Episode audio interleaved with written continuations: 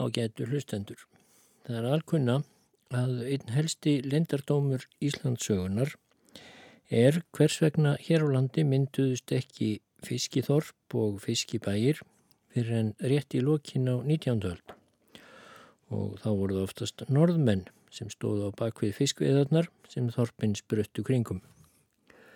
Hér við land eru óneitanlega einn auðugustu fiskimið heims og strax á 14. og 15. öld höfðu útlendingar átt að sjá því og tóku að stefna hingað fiskiflótum sínum sem dældu svo upp ómældum verðmætum hér við land næstu aldirnar.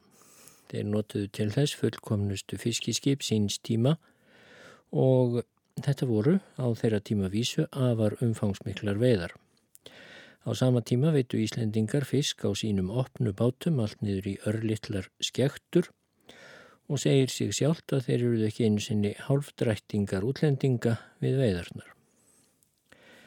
En samt gerðu Íslendingar nálega engar tilraunir til að koma sér upp stærri fiskiskipum eða skipulegja veiðarnar svona nokkru næmi. Hér varð eiginlega engin útgerð til, útgerð þá sem yðnaður á ég við og fiskimenn voru nær engöngu vinnumenn bænda til sveita sem fóru í verið nokkra mánuðu ári en aðalstarf þeirra var og varð að vera að hugsa um rollurnar upp til dala. Íslendingar vissu vel hvers virði fiskurinn var því sá fiskur sem þeir náðu þó að veiða með sínum frumstæðu aðferðum var mjög eftirsóttur og yfirleitt keftur háverði af kaupmönnum en samt var eins og Íslendingar heldu vísvitandi aftur af sjálfum sér og neituðu sér um kerfispundnar fiskveiðar sem hefðu útheimtu raunveruleg fiskiþorp, sérhefða sjómenn og svo framvegs. Jafnvel, þótt landsmenn mættu vita með þessu misti þjóðinn af gífurlegum upphæðum sem í staðinn runnu í vasa útlendingana sem held áfram að móka fiskinum upp hér við strendurnar. Hvernig stóð á þessu er sem sagt lindarmál. Auðvitað er auðvelt að segja sem svo, þetta var íslensku yfirstjettinni að kenna bændastjettinni. Hún vildi ekki missa spónlúr aski sínum í landbúnaðinum og setti þess vegna alls konar píningsdóma til að koma í vekk fyrir að sjávarútvegur byggðist upp og eh, stórbændur mistu frá sér vinnuafl til strandana eða þá að fátækt hafi verið svo mikil í landinu að Íslendingar hafi hreinlega ekki haft efni á að smíða sér almennileg fiskiskip. Það setna er fráleitt. Íslendingar voru stundum fátækir en í landinu var þó alltaf nógur auður til þess að hér hefði verið hægt að hefja þokkalega út, útgerð, kannski smáum stíl til að byrja með en það let einn og einn stórbokki vissulega smíða slík skip hér þóttu við væru líklega teljandi á fingrum annarar handar. Og með markvísu átaki hefðu íslenskir fiskimenn brátt farið að bera slíkan aflaðalandi að arðurinn af miðunum hefðu farið að streyma í innlenda vasa ekki síður en erlenda, fiskiþorpin hefðu sprottið upp og eh, þar með hefði útgerðin sjálfkrafa farið að vaksa. En hvað var þar tregðu bænda og yfirstjettar til að hefja fiskveiðar og eh, yfirstjettin setti eh, beinlýnis bann við því að menn innu, menn hefðu sjávarútveg sem aðalatfinnu, þá er það alveg rétt. En vekur, leið upp, vekur um leið upp aðra spurningu, hvers vegna notaði hinn gýruga yfirstjett Íslands ekki tækifæri til að hefja fiskveiðar þegar viðinni blasti að útgerð myndi færinni miklu meira í aðra hönd en landbúnaðurinn. Íslenska yfirstjettin var ekki svo vel stæð, þrátt fyrir öll sín kynstur af smjöri, að hún hefði ekki átt að kjósa þau auðafi sem hún mátti vita að væri að hafa af fiskimiðum. En það var eins og eitthvert hugmyndaleysi hefði gripið hana kannski skorti einfallega dug. Útgerð með smábátum var að vísu algengasta útgerðarformið á hinum Norðurlöndunum lengst af, svo því leiti skárum við okkur kannski ekki svo mjög frá nánustu nágrönnum. Og til dæmis aðtiklisvert að Danir stunduðu aldrei útgerð hér við land svo neinu næmi held ég. En nógu fristandi hefði maður ætlað að þeir væru ensku, þísku, hollensku, spænsku, basknesku, frönsku fiskiflótarnir hér við strendurnar. Til þess að eh, glýja færðist í augu einhverja höfðingjana og nógu margir íslenskir höfðingjasínir fóru utan og horðu þar upp á gróðan af stórútgerðinni til að líf hefði átt að kvikna í einhverjum þeirra.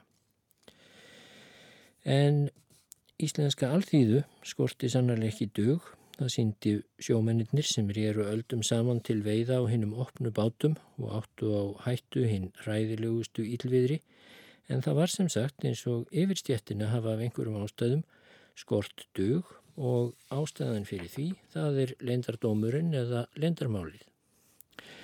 Í þessum þætti ætla ég að lesa um ímislegt úr sögu eins staðar á Íslandi sem svo grá upplagt hefði verið að þróaðist út í auðugt fiskithorp og þar var reyndar kannski eða voru einn þau helstu drögað fiskithorpi um tíma því þar var, voru miklar verbúðir á sínum tíma.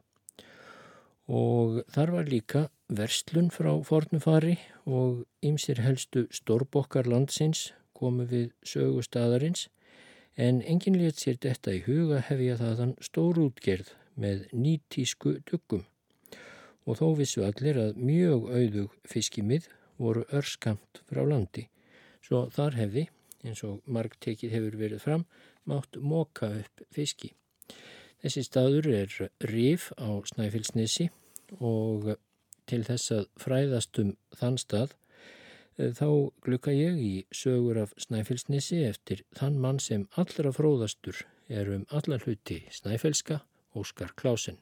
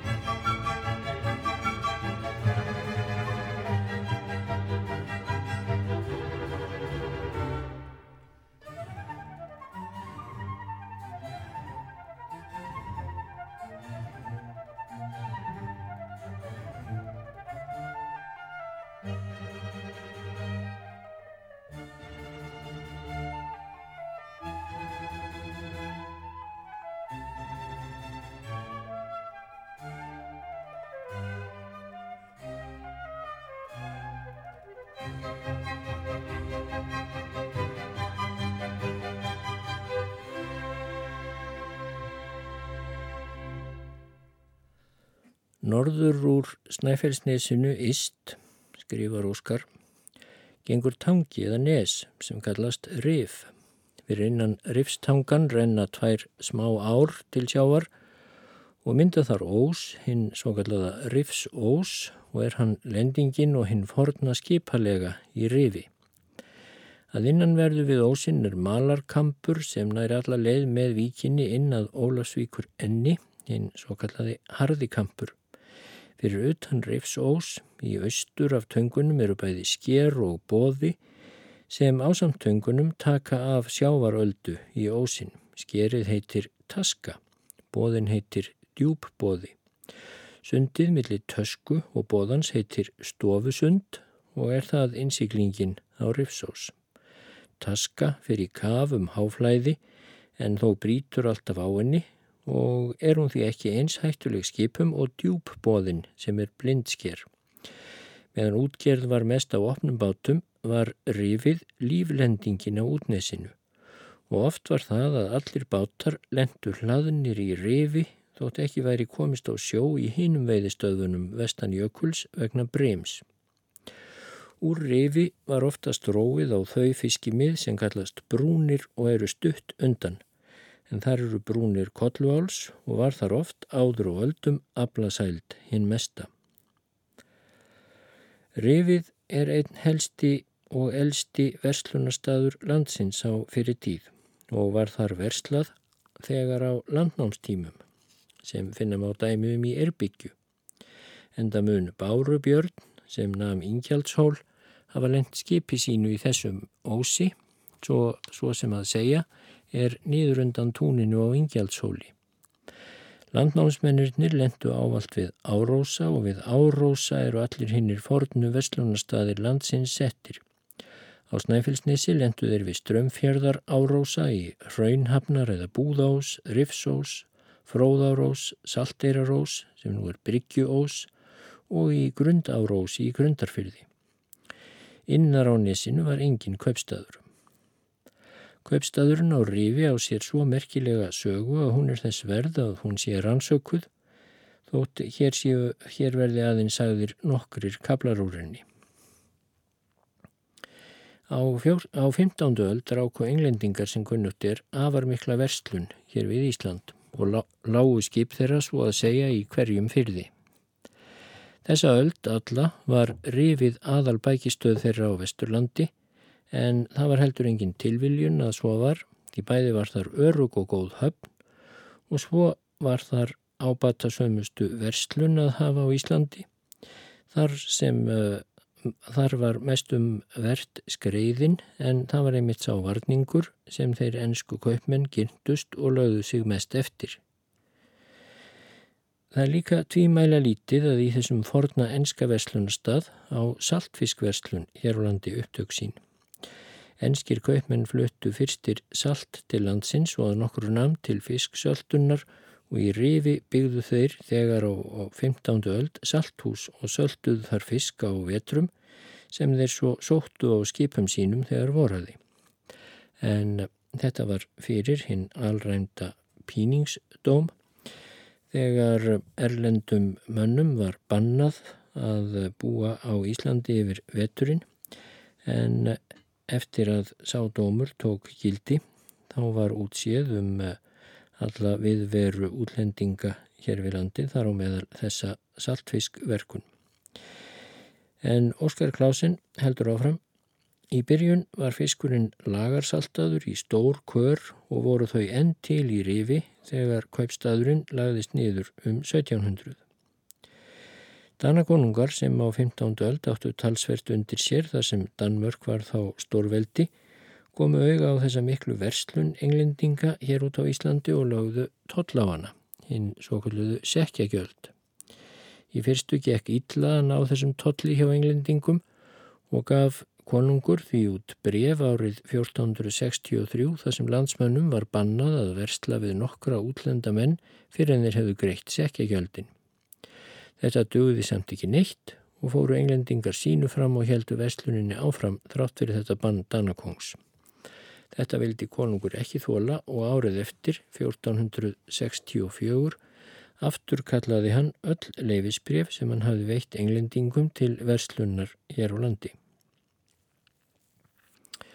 Út af þessu urðu enskir kaupin æfir og lendu íldeilum við hyrðstjóra konungs.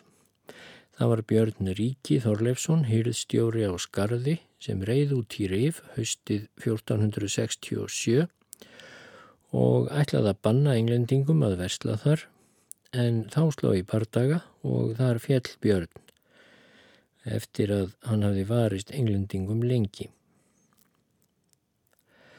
Björn Ríki Þorleifsson var mest í höfðingi á Íslandi á sinni tíð á 15. öldinni. Konungur hafði gefið honum rittaranapn og aðalsbref í Kaupmannahöfn árið 1457. Skjaldarmerki Björns Ríka var kvítabjörn á bláum feldi og kvítabjörn upp af hjálminum. Það sama ár hafði Björn verið skipaður hyrðstjóri yfir Íslandi og var það þanga til hann var dreppin. Björn var röksamur maður og óhrættur við að standa í stórræðum.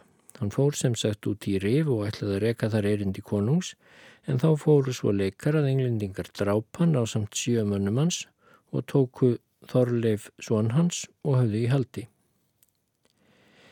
Svo mikil var grimd þeirra ensku að er sagt var að þeir söksuðu lík hans í stykki. Hann hafði varist lengi og vasklega áður hann fjell, hljóp upp á háan klett og hjó niður fyrir sig, þángar til hann örmagnaðist og neig niður. Kletturinn er síðan kallaður Björnssteinn en er nú næri Sandi Orpin, skrifar Óskar Klásen á fyrir hlut þetta eða um miðja 20. öld og bólar aðeins á hann upp úr fóksandinum. Ólöf Ríka Loftsdóttir á skarði Ekkjabjörs varð hverki uppnuminn þegar hún heyrði lát mann síns en sagði þá hinn alkunnu orð ekki skal gráta Björn Bonda heldur sapna liði. Og það gjörði hún. Hún sapnaði liði og fór út í rif og listi þar Þorleif Svonsinn úr haldinu með miklu silfri. Um þessar myndir var til vísuhending sem landsfræg varð, róstugt var í rifi þá ríki Björn þar dó og var það haft að sönnu. Lík Björns var flutt inn að Helgafelli og jörðsungi þar en sagt er að Ólöf hafi gefið klaustrinu stór jörð í legkaup hans sem segjað að það hafi verið mávalíð.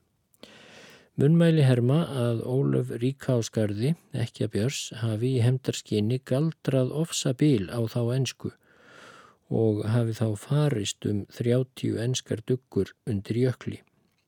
Bílur þessi var kallaður Ólafarbílur en það að svona margar enskar duggur hafi verið við fiskveiðar undir jökli og farist í bílnum sannar einmitt það hversu útgerð og verslun englendinga hefur verið stórfengleg um þessar slóðir á þeim tímum. Eftir fallbjörs hirstjóra er sagt að englendingar hafi færð með ránum um byggðir.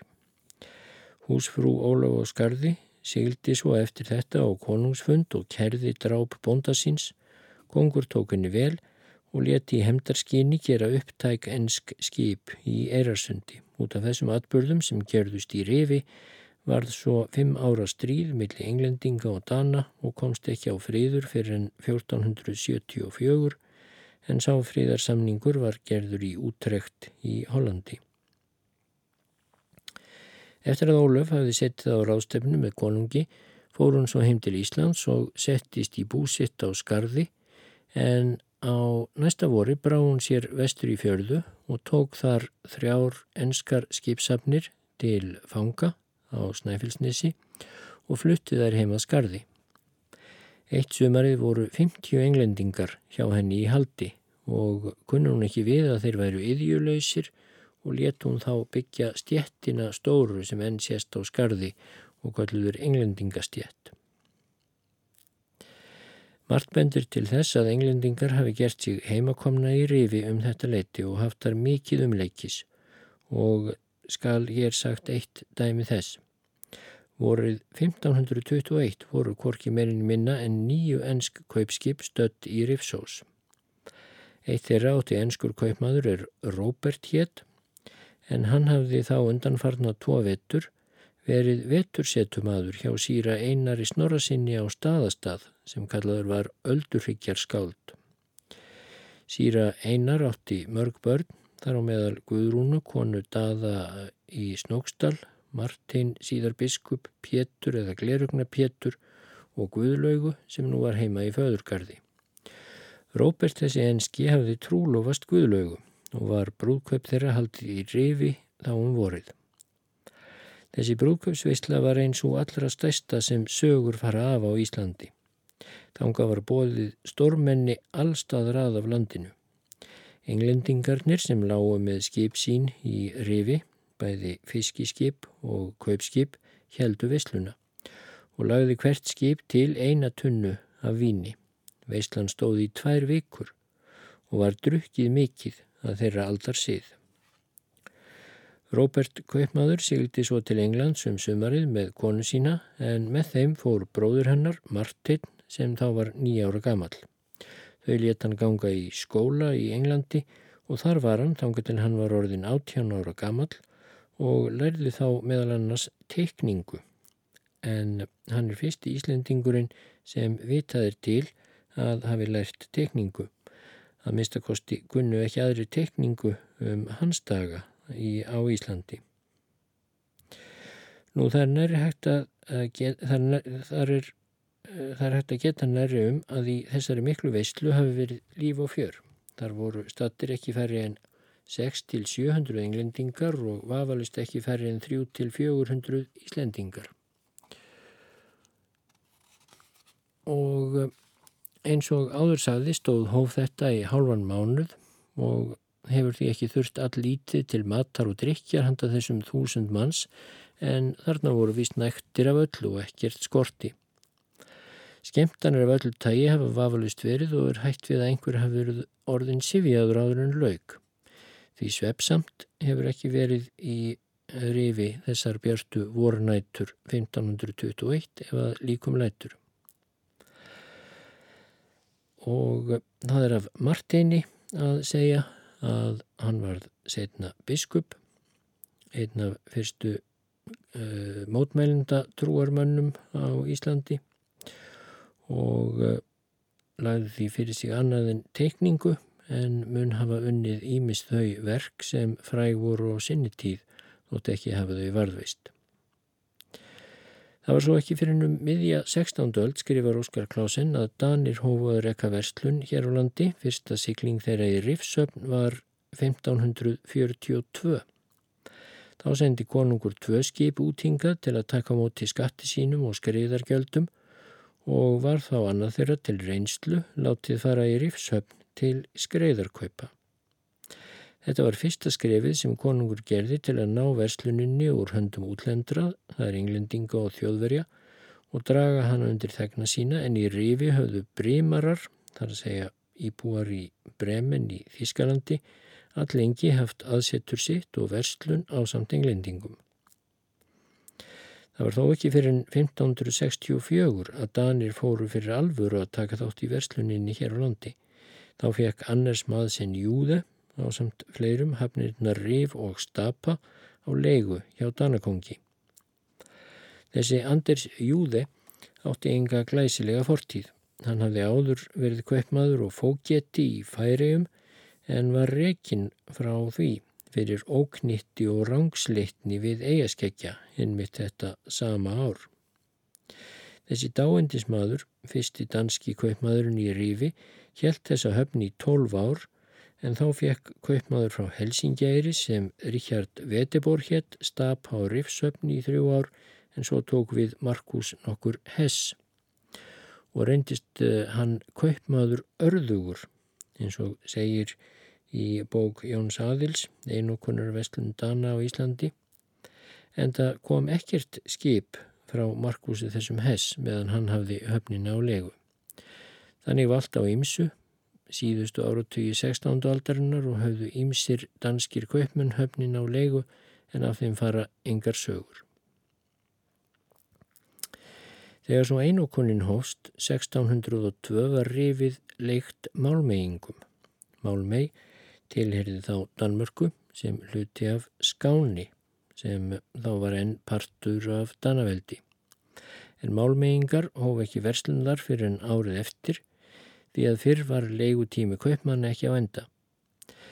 Eftir að einokunnin hóst var þess vandlega gætt að yngir útlendingar versluðu hér á landi og lagði konungur fyrir höfuðsmannin, sinn æðsta embættismann á Íslandi, að hafa strángar getur á þessu og taka umsvifa löst skip og varning erlendra kaupmanna er rækju launverslun og senda þá sjálfa sem fanga til kaupmannhafnar svo að þeim þið refsa þar. Það var þegar á fyrsta ári að einn slíkra launverslara var tekin í rifi. Hann hétt Björn Salefelt og hafði þrjú undanfarin ára á samt bræðurum sínum rekið verslun í rifi og víðarum snæfellsnesrendar án nokkur skonungsleifis. Hús sem þeir áttu í rifi og varningur þeirra var allt dæmt upptækt til handa konungi.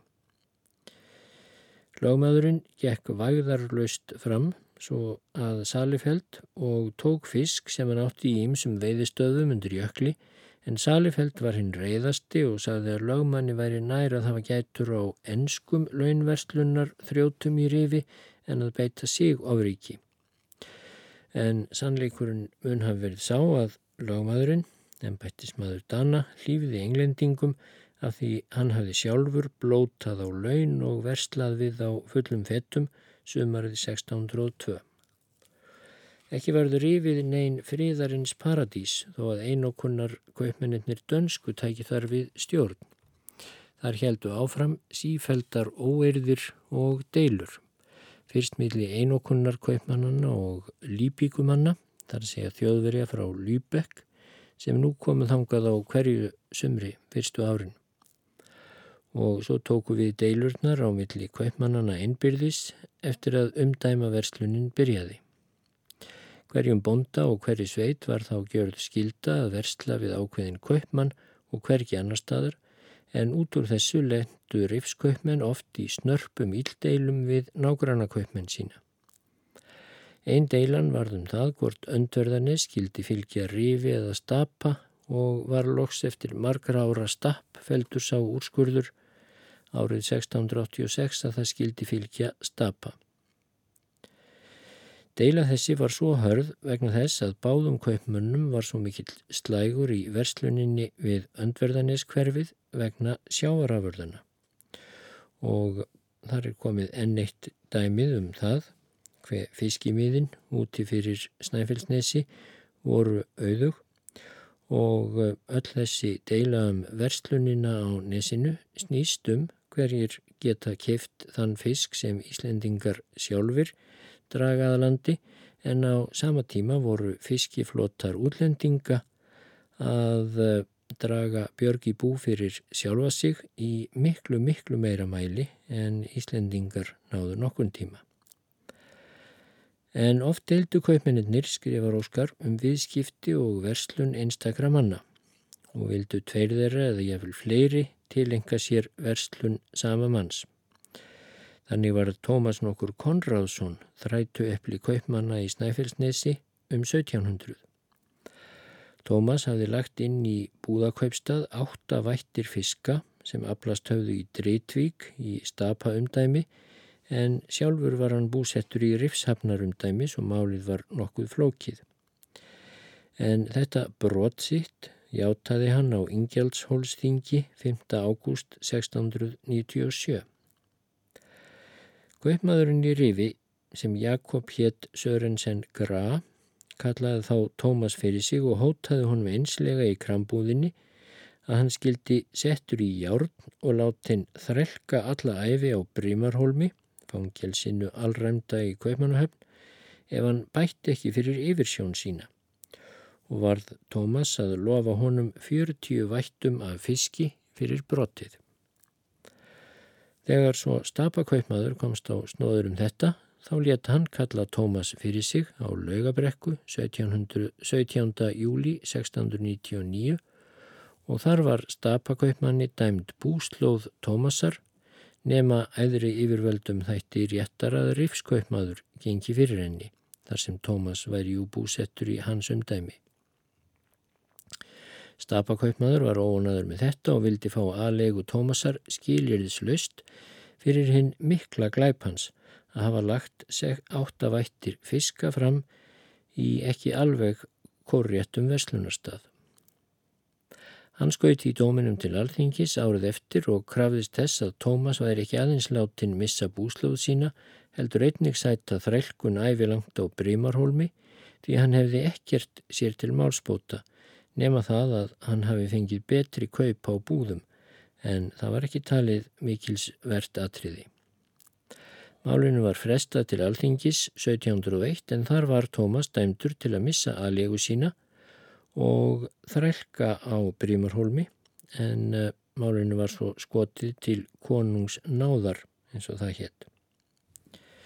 Rífskaupmenn beittu einnig útróðurarmenn miklu ofríki, margir, margir helgfellingar og eirsveitungar réru í rifi en þeir höfðu flutt fisk sinn með sér heim og seltan Stikishólms kaupmanni sem Pétur hétt Víland.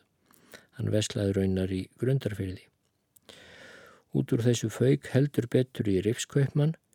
Hann heimtaði nú hvorki meirinni minna en að utan sveitar mönnum væri bönnuð öll útgerð og verstöður undir jökli en þetta var þvert og hann í öll lög og landsvenjur svo að alþingi eða stjórnin fegst ekki til að skella þessu banni á. Þegar kaupmaður fekk þessum vilja sínum ekki fram, framgengt var þann enn yfirgangsamari en áður. Hann let nú brjóta upp fiskihjalla vermanna í rifi þegar þeir voru hverki nálægir, taka úr þeim þeirra harðsóta fisk og láta þar í staðin andverðið í útlenskum varningi. Eitt var sem eh, rifskaupmannum var meinýtla við en það var salafiskjarins til sveitamanna og var eilíft rásku og rekistefna á manntalstingum á hverju voru út af þeim viðskiptum. En síðasti einokunar kaupmaðurinn í Rifi var gamal afdangaður skipstjóri, Peður Nikolai Vinge. Árið 1706 legði hann Rif fyrir 1195 ríkistala árslegu til 10 ára Þessi lega þótti há en Rifshöfn var lengi talin einn besta og arðvænlegasta höfn landsins vegna fiskiafurðana og gekk Vinge gamla vel fyrstu árin en þegar hann tíu árum setna átt að endur nýja leguna bauðan 1600 ríkistal í höfnina og var það svo hæsta lega sem borguð hafði verið fyrir nokkra höfn hér á landi. Á þessu sprengdi Vinge sig og allt fór í hundana hjá honum. Svo þremur árum síðar var auðmingja kallinn, skrifar inn vorkunláti Óskar Klásen. Þremur árum setna var auðmingja kallinn komin í 10.000 dala skuld og sá ekki annur úræði en að strjúka frá kaupmannahöfn undan skuldum sínum. Einn ábyrðarmanna hans var svo að taka að sér rifshöfn og reið þá honum líka nærriða fullu efnalega. Það er annars mest í miskilningur að halda að allir einokonarkaupminn hafi auðgast á veslun sinni á Íslandi. Það var síður en svo þótt margir þeirra yrðu ríkir menn. E, það gekk svona upp og ofan fyrir þeim, rétt eins og gengur fyrir þeim sem með verslun fara nú á tímum. Sumir verða auðugir en aðrir fara á hausin.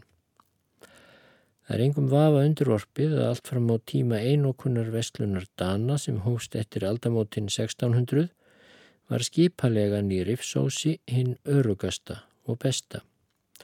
Ósinn hefur verið djúpur og víðáttu mikill og hafa farmenn fleitt skipum sínum inn í hann þegar hásjáfað var og svo hafa þeir verið þar óhulltir með þau í henni góðu og sjálfgjörðu skipakví. Þeir hafa látið þau standa við skorður og búkka og látið fjara undan þeim og skipa þannig upp og út varningi sínum við hinn óvanalegustu og bestu hafnarskilirði sem til hafa verið hér á landi. Og hér líti ég að skjóta því inn að úr því skilirðin voru svona góð fyrir vestlunarskip þá segir sig sjálft að þau hefðu verið jafn góð eða jafn betri fyrir almennileg fiskiskip ef Íslendingar hefðu haft dug til að koma sér þeim upp.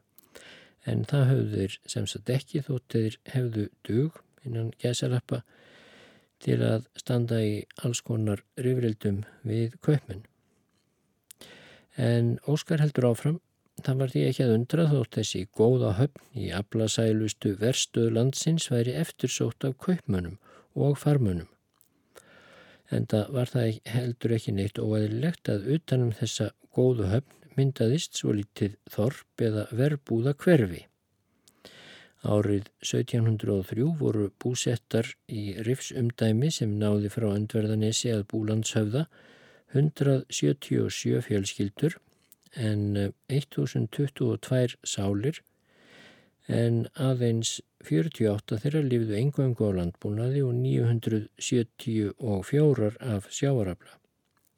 Rif var þá og hafði raunar verið tvær liðnaraldir svo langsamlega stærsta sjáarþorpið á Íslandi. Næsti voru þorpin sunnan, fyrir sunnan jökul við Hellna og Stapa en upp frá þessu hefst svo niðurlæging rifshafnar. Á tímum einokunar vestlunarinnar tók höfnin að spillast. Ósinn tók að gringa vegna þess að holmkjela eða holmkjelsá sem kemur ofan úr jökli breytti farvegi sínum og rann nú austar í ósinn en af þeim ástæðum varð minni útströymurinn úr ósnum og svo bar áinn fram sand og leir. Þetta varð svo mikið velferðarmál í búana í verstöðinni í Rifi að þeir snýri sér til þess opinbera um aðgerðir til að bjarga sinni fornu og góðu skipalegu. Um þetta gekk dómur á Ingjaldshóli voruð 1686 og var því skotið til alþingis hvort um, eigi mætti hleypa áni aftur í hinn forna farvegsin. En á alþingi var þessu máli vísað til úrskurðar landfógettans sem þá var danskur maður þegar hann yrði á ferð fyrir vestan. Þetta eru fyrstu kröfur og tilraunir Íslendinga til hafnarbóta. En einn danskiland fó geti létt þetta mál sig engu skipta og var þessi litla ársbræna því látin hveða upp dauðadóm yfir þessari bestu fiskihöfna á Íslandi og eftir þetta tók öllu að raka í refi. Fólkið flýði í burtu, bátarnir grotnuðu niður og húsin fjallu. Allt fór í auðun, þánga til nú er svo komið að aðeins einn bóndi er eftir ábúandi jarðarinnar sem lifir á landafurðum hennar. Fram af þessu, það er 1686, fór svo kaupmaðurinn í burt úr rifi, hann flýði til Ólafsvíkur og fekk þar löggilda höfn í stað rifsafnar. Veslunarhúsin í rifi voru samt látin standa áfram og eitthvað mun áfram hafa verið verslað þar.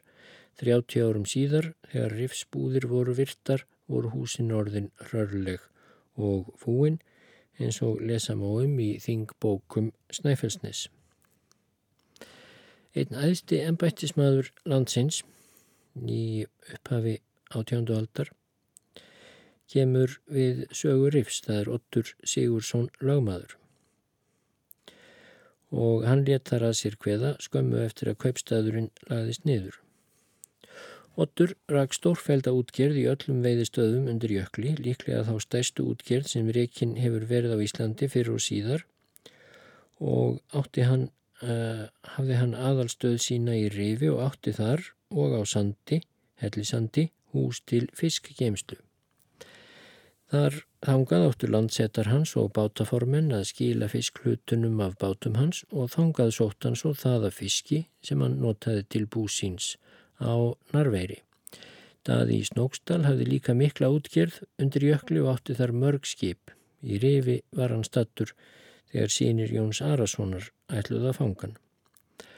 Og hér skýt ég því inn í frásögn Óskars Klásens að hér kemur glöglega fram að íslenskir stórbokkar og aukivingar höfðu vissulega, samkvæmt þessu, áttað sig á þeim arði sem hafa mátti af fiskveiðum en af einhverjum ástæðum stígaðir ekki næsta skref sem er að hætta að gera út hinn að litlu árabáta og yfirbyggðu og láta smíða fyrir sig alminnileg fiskiskip að hætti þeirra útlendinga sem enn veittu upp kringum allt land. En þóttir væru sem sagt hefðu mikil umsvið til dæmis bæði ottur lágmaður og daði í Snóksdal þá dettur engum í hug að láta smíða fyrir sig duggur. Þegar Ottur átti í mestu málaferlunum við Jón Biskup Vítalín eftir að þeir flugust á á Narveiri 1713 þá stemdi biskup honum til að mæta á draungum á skóaströnd 1. september 1714 en þangað mætti Ottur ekki vegna þess að þá hafði hann færði skömmu áður út í rif að sækja fisk og var ekki kominn úr ferðinni og lágu þar gildar ástæður til. Ottur átti farmskip, þótt ekki eittan fiskiskip. Það hétt hét Svanur og var þá stærsta skip á Íslandi. Þann 24. ágúst sigildan því heimleiðis úr Rifsós. Ottur hafði eins og venja var til, flutt fiskiföng sín til Narveirar fyrir hluta sumars en í þetta skiptið var skipið hlaðið vörru, mjöli, járni, borðvið og ímsu öðru sem frá útlöndum kom og bendir til að þá hafi enn verið nokkur verslun í rifi. Það kvesti á landsunnan svo að ekki varð náð landtökku að sunnanverðu breyðafjörðar en um nóttina breyti um átt og skall á ílt norðanveður. Þeir síldu sem næst uh, vindi sem þeir gáttu en sjórin var svo mikill að svanur varði sig naumast og þótti undur að það skildi af bera. Ottur var vanur sjáferðum og satt sjálfur við stýri alla nóttina. Þeir komust norður yfir fjörðin og hliftu upp á líf og dauða e, í gljúfureitt, nálagt Látrabjarki og þar brotnaði skipið í spón. Einn hásetalögmanns var Jón nokkur frá Brandarbúð á Stapa, mikill vaskleika maður og áttu þeir honum lífið að þakka. Hann klifraði og komst við illan leik upp bjargið og dró félaga sína upp á kaðli en afar voru þeir þrekkaðir. Þarna heitir síðan lögmanna vogur. Um þessa ferð odds út í Rif er til þessi þjóðsaga á leiðinni út eftir kom hann í Gvendareigjar til Þormóðs Skálds og Galdramanns sem þá var orðin gamall. Þegar Þormóður gamli sá lögmann raut honum þessi vísa af munni Góði herra, gefið mér til, þó gaman sé reyfi orðum, ottur hinn hái eru þér eftir kruksbá forðum. Það er sagt að ottur hafi reyðst og gefið Karli snoppung fyrir vísuna, það er sleiðan utanundir en Karlinn þá reyðst og hveðið hér er nýjinn hörðað gátt, hittir loku lengur, snoppung hefur engin átt, ári hjá mér lengur. Það var svo trúmanna að Þormóður hefði gert galdra veður að otti þegar hann sildi himleiðis. Þegar Ottur lagmaður var það hrökklast frá Narveiri 1720 var eðlilegt að hann leitaði þangað sem hann átti mestra hagsmuna að gæta en það var undir jökli þar sem hann átti hinn að miklu útkjörð. Stæsta bílið á utanverðu Snæfellsnesi var þá og er reyndar að nokkru enn Ingjaldshóll. Þangað flutti Ottur en sá ljóður var á að jörðin var byggð öðrum og hafði Ottur sjálfur gert það meðan hann var umbóðsmaður stapaumbóðs. Ottur létt uh, sig nú þetta engu skipta, flutti búsitt á Ingjaldshól og tók að hreyðraðum sig þar. Hann byggði þar 20 áluna langt og 6 áluna breytt stofuhús alþiljað og lagði sjálfur til viðin, svo byggði hann fjárhús og fleira. Ottur lýsir jörðinni svo að þar hafi þegar hann kom korki verið tóft nýja tréspýta. Nokkur síðar varð Ottur að sleppa um bóðinu og þá byggði Jóhann Gottrúp síslumadur honum tafarlaust út af Ingjaldsóli, vísað honum burt, en samt þraukaðan þar í þrjú árenn. Loks var það haustið 1723 að Ottur kvarf þaðin í burtu og flutti þá í Rif og settist þar að en þá var öll verslun hættar og komin til Ólasvíkur. Ottur settist að í gömlu kaupmannshúsunum í Rifi sem hann hafi keift. Af þessum gömlu kaupmannshúsum í Rifi er til lýsing og virðing gjörð 1719 og á henni er hægt að sjá hvernig húsum var þar háttað. Krambúðin eða aðal Vestlunarhúsið var stort hús, 36 áluna langt og 24 áluna breytt, undir því var kjallari, en yfir honum krambúðin og pallur í henni, svo var í húsinu sengurkamers og spískamers, áfast við húsið var kokkhúsið. Virðingarmennirnir sem skrifa skýsluna segja að húsið sé stert þótt gamalt sé en nokkuð orði fúið og virða það á 90 og 8 vættir. Salthúsið sem stóði niður við sjóin er 12 áluna langt og 8 áluna breytt. Kamers var alþiljað í lofti þess hús með sang og borði en hurð á hjörum og var virt á 33 vættir. Húsin voru ekki fleiri en þetta. Ottur lögmaður og Gottrup síslumadur átti í ólgandi málaferlum árum saman og valtar á ymsu og gjörðist ímislegt sögulegt í sambandi við þau. Í fyrsta sinn sem Gottrup kom til Otts í rifi í þeim erindum að gera fjárnám í eigum hans, tók Ottur heldur kuldarlega á mótonum. Þegar sást til ferða Gottrup síslumanns fylgti Ottur sveinum sínum fyrir framann húsið og gjörði að síslumanni skotríð með hnútum og hrossleggjum. Við þetta fældust hestar síslumannsins og sáðu þeir þann kost vænstan að snúa frá húsinu og halda tafarlust í burtu. Eitt sinn stemdi gottur og botti til Ingjaldshóls og helt réttin í kirkjunni enda þótt þar væri ný stofa og sæmilegt þinghús. Síslumadur satt í kórnum fyrir framannan, þar lendi í rimmu þeirra odds og gottrúps og næri lág handalögmáli.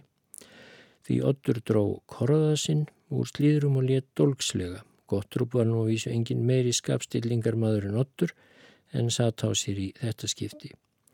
Morgunin eftir var hann ekki eins prúður, þá reyðan ofan í rif og tók hús á otti, óðan þar um allt með nakin korða í hendinni, bölvandi og ragnandi og endaði með því að reka korðan í gegnum pils einnar vinnukonunnar.